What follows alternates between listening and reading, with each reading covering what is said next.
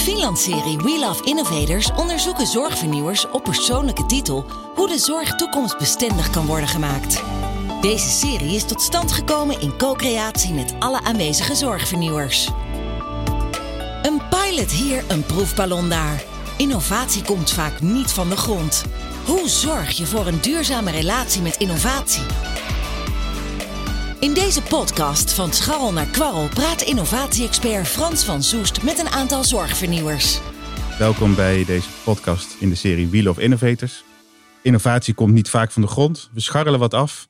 Maar tot grootschalige hervorming van de zorg leidt het niet altijd. Wat regels schrappen lukt wel en een experimentje met Google Class of FaceTime ook. Maar pakken we daarmee ook de echte oorzaak van al die regels aan? En lukt het ons echt om ons werk anders te organiseren in deze snelle veranderende wereld? Krijgen we het voor elkaar om in de waan van de dag voldoende te veranderen? Daarvoor is een duurzame relatie met innovatie nodig, een zogenaamde kwaliteitsrelatie. In deze podcast ga ik met tien zorgvernieuwers een gesprek over de stelling verbinding maakt van een scharrel een kwarrel. We zijn hier met tien zorgvernieuwers in de zaal en een aantal daarvan heb ik uitgenodigd aan tafel. Die wil ik even voorstellen. En de andere zorgvernieuwers zullen aan het woord komen als ze daar uh, zin in hebben of als dat gebeurt. En dan stellen ze zichzelf even voor. Uh, hier aan tafel zit onder andere Wilma. Ja. Wie ben jij? Ik ben Wilma. Ik werk voor het Comfort Innovatielab als projectmanager. Welkom. Dankjewel. En dan hebben we Jantine. Ik werk bij Daily Zorggroep als innovatieadviseur voor de wijkverpleging. Welkom. Fijn dat je er bent. Michael. Ik werk als procesbegeleider uh, innovatie bij de krantengroep. Verbinding maakt van een scharrel een kwarrel, is waar we het over gaan hebben. Eigenlijk is mijn eerste vraag. Ja, verbindingen maak je natuurlijk in je eigen clubje, in je tribe, in mensen met wie je je verwant voelt als het gaat om je werk aan innovatie. Michael, mag ik vragen, hoe ziet jouw tribe, jouw innovatietribe eruit? Waar ben je precies aan het werk en bij wie voel je je verwant om aan je innovatie te werken? Nou, binnen het samenwerkingsverband zijn sowieso twaalf zorgorganisaties en daar zijn allemaal mensen bezig met innovatie. En dat is dus een groepje waarmee we regelmatig overleggen behoeftes en ook hoe kunnen we dingen uitvoeren.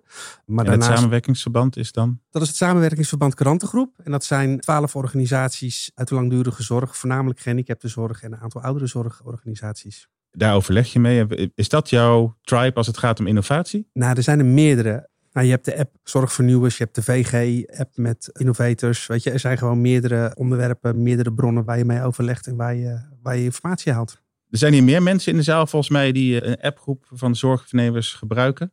Is er iemand die daar iets over wil vertellen? Gerwin? Ja, goeiedag. Ik ben uh, Gerwin Vis uit Rotterdam. Ik werk in, voor een VVT-instelling en we zijn vorig jaar gestart met de Zorgvernieuwers-app.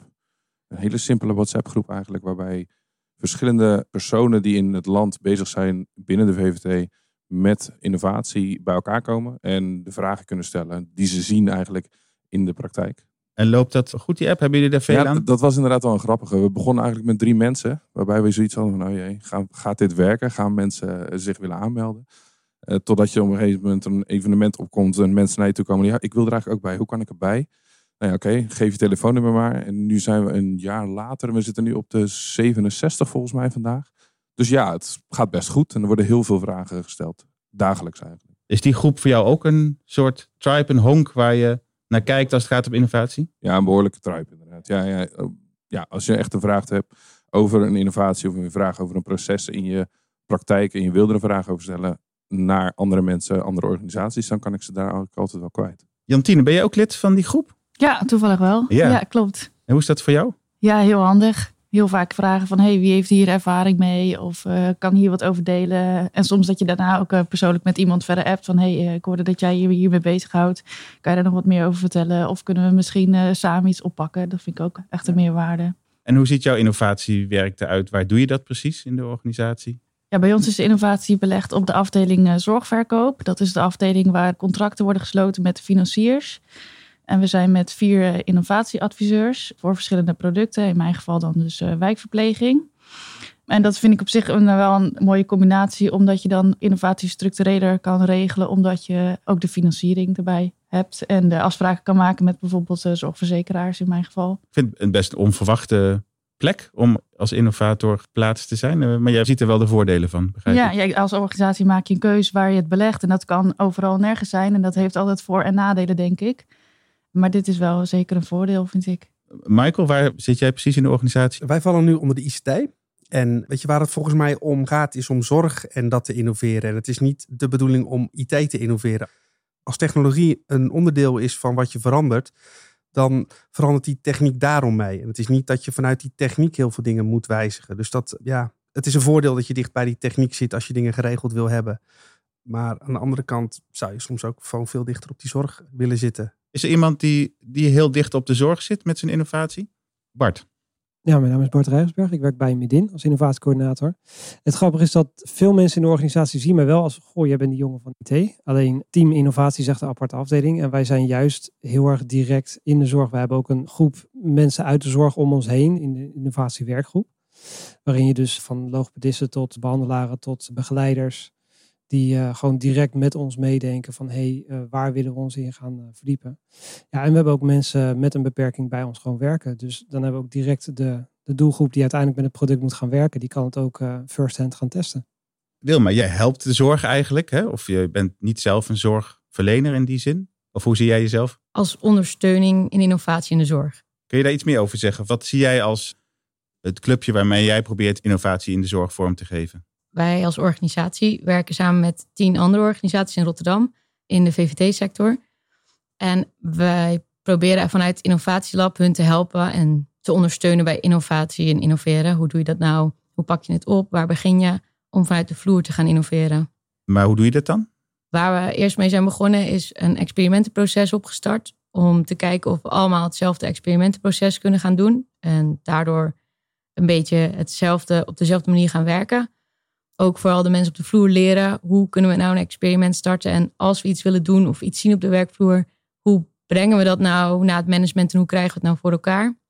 Daaruit bleek dat er heel veel knelpunten nog zichtbaar zijn, maar nog niet onderzocht zijn. Dus zijn we een stap teruggegaan. Wat speelt op de vloer? Waar kunnen we jullie bij helpen om echt het probleem te vinden? En daaruit starten we nu langzaam knelpuntonderzoeken en experimenten samen met een werkgroep. En de werkgroep staat naast ons. Dat zijn tien mensen uit die tien organisaties. Die hebben allemaal een verschillende rol in de organisatie. De ene is uh, innovatieaanjager, innovatiemanager, innovatieadviseur of informatiemanager. En die helpen ons om te kijken wat gebeurt er binnen een organisatie en hoe kunnen we dit opbouwen samen. En hoe kijk je aan tegen, of waar staan jullie als het gaat om scharrelen of kwarrelen? Dan zijn we nog aan het scharrelen, maar we proberen te kwarrelen. En waarom? Waarom zijn jullie nog aan het scharrelen? Omdat innovatie is iets wat wel heel erg speelt op de vloer maar nog niet goed genoeg opgebouwd is. Als je echt kijkt naar onderaan de vloer, dan weten ze niet waar ze moeten beginnen of wat ze moeten doen. En hebben ze echt hulp nodig. Er zijn inderdaad een aantal enthousiaste mensen die willen heel graag, maar die hebben nog gewoon methodieken nodig of een training of andere mensen in verbinding brengen om samen dit te doen. Ja, dan komen we op het punt van hoe maak je eigenlijk keuzes hè, van alles wat je zou kunnen doen. Wie kan er uitleggen, misschien uh, kun jij Jantine, hoe je keuzes maakt? Bij jullie of als je aan het innoveren bent? Hoe bepaal je nou wat je doet en wat niet? Ja, dat kan uh, op verschillende manieren. Ik denk dat het heel belangrijk is om als organisatie een duidelijke visie te hebben op innovatie. Dus wat je met innovatie wilt en waarom. Want je moet keuzes maken, je kan niet alles. Maar ook merk ik dat wel ook externe ontwikkelingen of prikkels ook wel bepalend zijn. In ieder geval bij uh, onze organisatie. Zoals? Kun je een voorbeeld? Nou ja, er is natuurlijk steeds meer op de markt. Daar kijk je naar als het gaat om technologie bijvoorbeeld. Er wordt vanuit het ministerie uh, nou ja, bepaalde dingen gestimuleerd. Of er zijn bepaalde subsidies of zorgverzekeraars. Ja, ben ik weer met mijn zorgverkoop natuurlijk. Maar die, uh, die willen ook van alles. Daar ga je ook over in gesprek. Nou dat bepaalt ook wel een beetje de koers van de organisatie, merk ik. Wie heeft hele andere manieren om keuzes te maken? Of uh, aanvullende manieren? Dat werkt bij ons goed. Suzanne? Ik ben dus uh, Suzanne van Kennisland. En ik heb niet zozeer, nou ja, misschien wel een andere methode. Want wat wij doen is eigenlijk altijd beginnen bij de cliënt of bij de inwoner of bij de burger. Als we eigenlijk gaan kijken van waar willen we innoveren, waarom willen we innoveren. En ik vroeg me eigenlijk af bij uh, Jantine van hoe werkt het bij jullie? Hoe staat die cliënt centraal? Goeie vraag. Uiteraard staat de cliënt centraal. Maar goed, dat is iets heel makkelijks om te zeggen. En ik, ik, merk dat alle zorgorganisaties in een visie hebben staan dat de cliënt centraal staat. En wat dat dan precies betekent. Nou ja, dat is volgens mij uh, iets wat je dus in je visie als organisatie uh, goed uh, moet uitdenken en moet uitwerken. Van wat betekent dat dan dat de cliënt centraal staat? Want dat kan op heel veel verschillende manieren. En ik denk dat wij dat meer hebben uitgewerkt inderdaad als we naar innovatie kijken vanuit een externe prikkel of iets interns Dan hebben we een soort trechter van waar je toetst van draagt dit wat bij aan de cliënt, aan het welzijn, aan het werk van de medewerker. Ja, op zo'n manier maak je ook dan de keuzes weer. En wordt hier dan al bij het begin betrokken? Ik ben benieuwd van, zit hij aan tafel als jullie dus dat gesprek hebben, bijvoorbeeld met een zorgverzekeraar van, hé, hey, wat gaan we eigenlijk doen? Nog te weinig bij ons, vind ik, ben ik eerlijk in. Dat is heel lastig. Het stopt vaak, denk ik, bij ons bij dat we het aan de medewerker vragen die wel heel dicht bij de cliënt staat. Maar inderdaad, nog echt de, cliënt aan tafel, eh, dat hebben we niet. Ik ben Steven Jesseling, ik werk bij Opella, uh, VVT. Wat mij betreft gaat er misschien nog een stap vooraf. Want ik had gisteren een leuk gesprek met een van onze wijkverpleegkundigen. En zij vertelde mij, ik wil wel bijvoorbeeld meer de medido inzetten. Maar ik vind het gesprek zo moeilijk om aan te gaan met iemand die wij in zorg hebben. Om te zeggen, u komt in aanmerking voor de medido. En dat betekent dat wij de medicijndispenser voor u in gaan zetten. Dat is op zich natuurlijk een heel mooi proces. Maar als je dat niet durft te zeggen, als die randvoorwaarden onvoldoende zijn, dan kunnen wij nog heel mooi afspraken maken binnen de organisatie over onze visie. Maar dan gaat het alsnog niet landen. De stap die er voor mij aan vooraf zou gaan, is een goed gesprek met je zorgmedewerkers over nou, de implementatie en wat zij daarvoor nodig hebben om daar te kunnen komen. En dan ga je het gesprek, wat mij betreft, aan over wat is passend. Gerwin zit heel heftig te knikken. Ja, Gerwin Vis inderdaad, uit Rotterdam, van Aafje. Het grappige is dat we begonnen inderdaad over het trijpgevoel. dus het, het, gevoel van een, een groepje om, eh, om je heen uh, verzamelen. En dat kun je vinden bij nou ja, de Zorgvernieuwers WhatsApp groep. Of het uh, Comfort Innovatielab bijvoorbeeld van Wilma, wat ze net zei. En nu krijgen we de discussie van, oké, waar beginnen we nou eigenlijk qua innovatie? En dan hoor je allerlei verschillende personen. En dat is juist het belang van die tribe, van die groep. Want je kunt wel heel mooi beginnen bij de klant, de cliënt, eh, degene die de zorg nodig heeft, bij ons dan binnen de VVT. Maar het moeilijke is dat je invloeden hebt vanuit een directeur, vanuit een zorginkoop, vanuit een overheid. En het is daarin heel erg belangrijk om inderdaad terug te gaan. Hè, wat wil die klant of vaak zorgverlener nou eigenlijk? Maar ik denk dat je juist die tribe moet gaan gebruiken om daar in het midden te gaan staan. En die tribe bij elkaar te krijgen en hetzelfde doel te hebben voor die zorgverlener en voor die klant. En absoluut, het is wel zo dat die klant inderdaad of die zorgverlener dan centraal moet staan bij de oplossing die je gaat verzinnen. Maar juist om inderdaad al die mensen bij elkaar te gaan verzamelen, dat is juist het mooie aan het hele tribe-verhaal. Wie heeft een hele andere tribe waar die, die goed weer zegt, nou dat wil ik wel vertellen, want dat functioneert goed? Wilma? Ik denk dat je een extra tribe hebt. Dus er staat een tribe van samen met innovators of met andere mensen kijken om ons heen wat er gebeurt. Maar het gaat ook vooral wat er op de vloer gebeurt. Goed luisteren naar je werknemers, goed kijken wat ze willen en wat ze zoeken, werkt ook dat de kwaliteit van de bewoner beter wordt. Zij bepalen eigenlijk wat er gebeurt op de vloer of moeten er uiteindelijk mee dealen, moeten het doen, moeten de overuren draaien om de zorg maar zo perfect te krijgen. En ik denk dat de vraag het meest uit hun komt. En door met hun te praten, word ik vaak heel erg gemotiveerd om harder te gaan werken en ze te helpen. Jantien. Ja, daar wil ik wel op aanvullen. Het gaat inderdaad heel erg om de relatie volgens mij tussen cliënt en de medewerker. Dat kan je niet los van elkaar zien. Maar wat ook steeds belangrijker wordt, is de familie en het netwerk van de cliënt. En die vergeten we soms nog wel eens.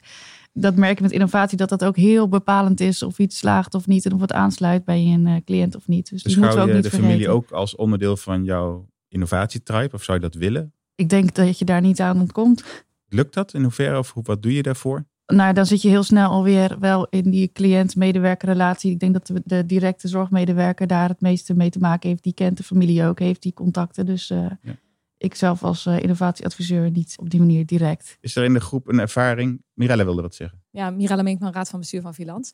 Ik denk wat jullie eigenlijk heel mooi laten zien, is dat het ook een kunst is van hoe kunnen we nou tribes eigenlijk maken en hoe kunnen we tribes verbinden en ook tussen tribes weer verbinden, denk ik. Hè? Want op een gegeven moment heb je misschien je netwerk en mensen waarvan je denkt, oh, daar kan ik echt mee optrekken of die hebben goede ideeën. Maar dat, dat steeds dan weer uitbreiden en kijken hoe je wat werelden kan verbinden, dat vind ik altijd wel een hele mooie. Wat wij zelf bijvoorbeeld doen, is eigenlijk kenniscommunities opbouwen, zeg maar. Hè? Doordat we zeggen, eigenlijk, van, ja, we willen juist over die tribes heen weer mensen aan elkaar verbinden. Want het is hartstikke zonde als Wilma iets leuks doet en Jantine mist dat bij wijze van spreken, terwijl ze daar hartstikke veel aan zou kunnen hebben. Dus het verbinden over tribes heen is denk ik een mooie. En dat gaat heel ver. Dat is niet alleen met innovators of mensen die echt voorlopers in de organisatie zijn, hè, die wil je verbinden. Maar het gaat ook tussen werelden van bijvoorbeeld uh, wetenschap, waar kennis is ontwikkeld, en de praktijk. je ziet ook eigenlijk dat als je dat even tribes noemt, eigenlijk nog heel weinig verbonden zijn. En daar denk ik ligt ook nog wel echt een hele slag. En wat doe jij daar aan? Of hoe, hoe, hoe werkt dat voor jou? Of hoe probeer je dat te doen? Nou, door echt die verbinding te maken. Bijvoorbeeld bij het programma wat wij nu doen, waarin we echt vragen ophalen vanaf de werkvloer. Wat zijn nou de kennisvragen die, die ze hebben? En dan kijken, zijn er al antwoorden op? En wie heeft die antwoorden dan? En wat ook nog niet? En wat nog onbekend is, daar zou je onderzoek op moeten doen. Dus dat is bijvoorbeeld een voorbeeld waarin je niet zelf bedenkt van nou, dit is een onderwerp en daar moeten we wel eens wat mee gaan doen. Nee, maar je begint echt op de werkvloer al die vragen op te halen. Er zijn duizenden en duizenden vragen de afgelopen tijd opgehaald. En dan te kijken, want, kunnen we die al beantwoorden of niet?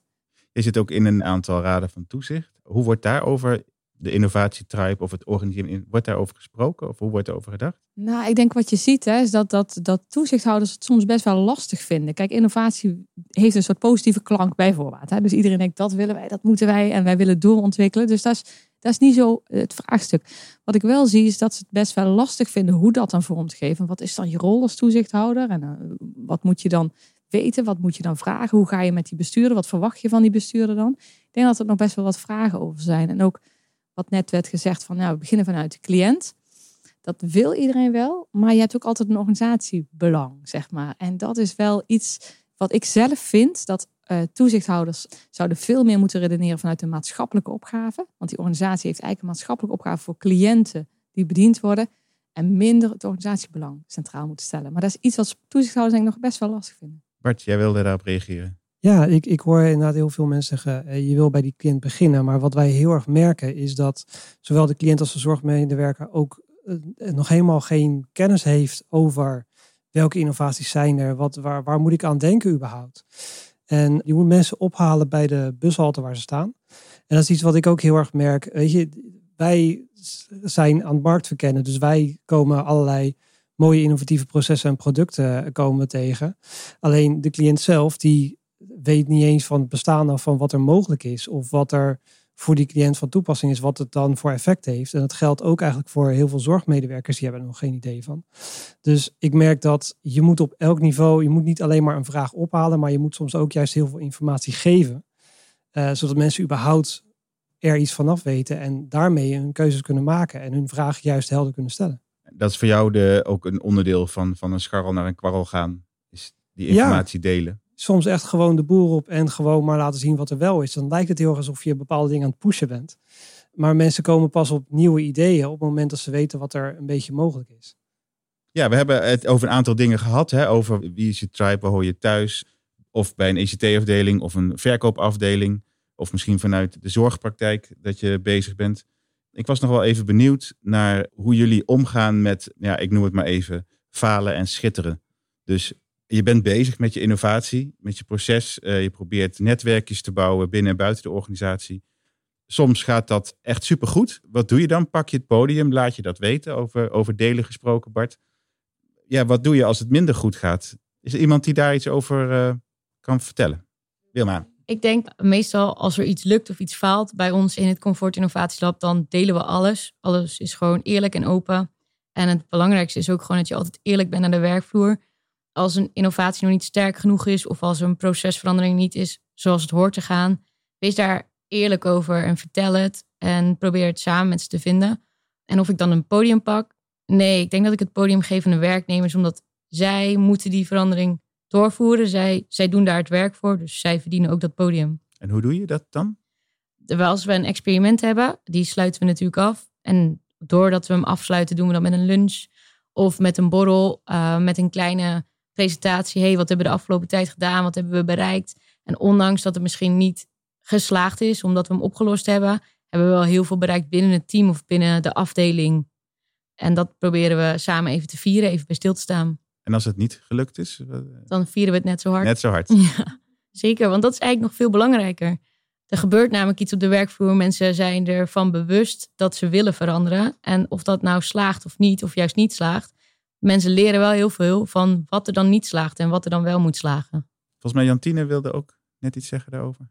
Ja, ik denk dat het inderdaad heel belangrijk is om succes te vieren. En dat we dat eigenlijk nog uh, te weinig doen. Omdat we soms te bescheiden zijn. Dat we denken, ja, nou ja, het was wel geslaagd. Maar ja, sommige dingen ook niet zo. Of ja, dit is toch vanzelfsprekend dat we dit verbeteren.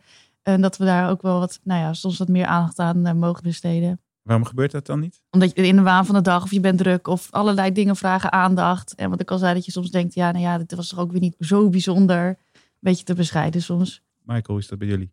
Nou ja, wij delen in principe alles wat we doen. We zijn eigenlijk zo transparant mogelijk.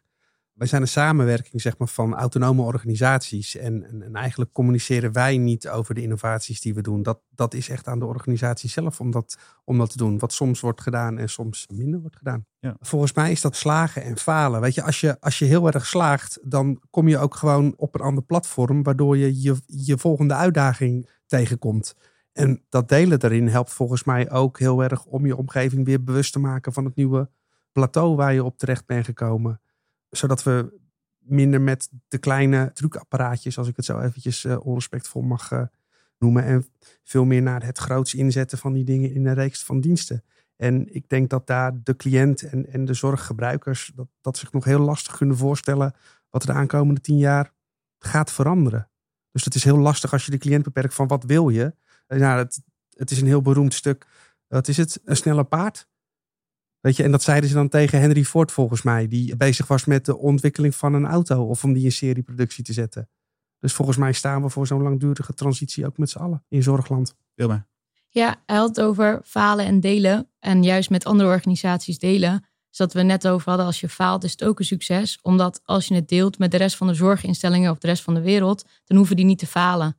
Dan hebben we dat namelijk al bij één iemand gedaan en kan de rest daarvan leren en op doorbouwen. En ik denk dat dat het succes is wat we met z'n allen kunnen bereiken. En is het ook zo dan in jullie lab dat als iets lukt, dat de anderen dat dan ook allemaal op die manier overnemen? Of gaan mensen dan toch stiekem ook weer een beetje het opnieuw uitvinden? Ja, dat is dubbel. Het is wel de bedoeling, maar het is inderdaad lastig om binnen een organisatie te zeggen: zet het maar gewoon in. Maar wat je dan doet, is gewoon het experiment korter duren. Hey, probeer het dan twee weken uit en, en implementeer het daarna door. Dus dan start je een implementatie met een kleine pilot. Er viel net het woord bescheidenheid als het gaat om uh, het podium pakken. Marit, uh, jij vertelde mij eerder iets over uh, ook de nuance. Hè? Dus dat niet per se misschien bescheidenheid is, maar wel het hele verhaal kennen. Kun je dat toelichten? Ja, ik ben Marit Bij, werk als innovatieadviseur voor de verpleeghuiszorg bij Lely Zorggroep. Ja, ik denk als je uh, bijna fulltime of helemaal fulltime bezig bent met innovatie, dan zie je altijd de meerdere kanten van waar je mee bezig bent. Je ziet wat er goed gaat, maar je ziet ook altijd wat er nog beter kan. Je kunt wel een mooi apparaat hebben, maar als dat in de helft van de gevallen nog niet wordt gebruikt, dan zul je als innovator niet tevreden zijn. En dan ben je ook niet geneigd om direct aan de grote klok te hangen van zie je zo goed wij bezig zijn, want je ziet altijd ruimte voor verbetering. Terwijl denk ik wel heel belangrijk is om te delen. Ook omdat dat, ja, dan krijg je een soort uh, vlek. Anderen worden namelijk wel aangestoken door het succes. En gaan er dan hopelijk ook zelf mee aan de slag. Ik denk dat dat ook wel een van de beste manieren is om innovatie echt in de organisatie te krijgen. Als mensen zelf de meerwaarde ervan zien, zelf op ontdekking gaan. In plaats van dat het van bovenaf komt. Ja, Wieke heeft daar goede tips over. We hebben Comfortelab al het een en ander gehoord. Maar misschien zijn er nog andere uh, manieren. Hoe, hoe krijgen we de zorgvernieuwers zover dat ze successen en ook dingen die wat minder lukken meer gaan delen. Gerwin? Om weer even terug te komen op die verbinding tussen de verschillende onderdelen binnen de organisaties. Ik denk dat als je de successen meer wil laten delen binnen de Nederland eigenlijk, om het maar even daarin te houden, dan moeten we de zorgverleners laten delen, maar de managers instrueren hoe zij dat ondersteunen eigenlijk. En de managers en de directie willen nog wel eens niet on willen ondersteunen dat iets verkeerd gaat. Dus op het moment dat je die managers en die directeuren mee gaat krijgen dat fouten maken mag, dan zullen die zorgverleners ook wel meegaan. Is dat bij iemand gelukt tot nu toe? Misschien iemand zegt van ja, dat, dat hebben wij, uh, we hebben het management daar aardig in mee ruggensteun in het mogen falen. We hebben een tijdje geleden bij een van de organisaties waar ik toen werkte, hebben we een week van de innovatie geprobeerd te organiseren. En dan hebben we dus ook een soort stand-up roostavond van deel je fouten. En het was toen heel lastig om mensen zover te krijgen om uh, hun verhaal te doen. Want het is enorm kwetsbaar als je daar staat. En wat vinden mensen daarvan? Er is niks beroerders dan dat je een succes gaat verpakken dan als het falen. Want dat, dat wil je ook niet. Nee, ik denk ook dat dat de bestaansrecht van die appgroepen ook uh, ondersteunt. Hè? Dat, volgens mij is dat ook de plek waar we met elkaar kunnen falen en successen vieren zonder dat, uh, nou ja, in een beetje veilige omgeving, als ik het zo mag uh, zeggen. We zijn bijna aan het eind gekomen van deze podcast. Ik wil de gasten Wilma van Comfortelab, Michael van de Karante Zorggroep en Jantine van de Lelyzorggroep. En jullie allemaal in de zaal. Echt van harte bedankt. Ik vind het ontzettend gaaf dat jullie vandaag als zorgvernieuwers op het podium zijn gestaan om jullie verhalen te vertellen. Ik denk dat jullie verhalen, de stelling waar we het over hadden, verbinding maakt van een scharrel en kwarrel. In elk geval geïllustreerd hebben. En ik hoop dat de luisteraars daar een voordeel mee kunnen doen.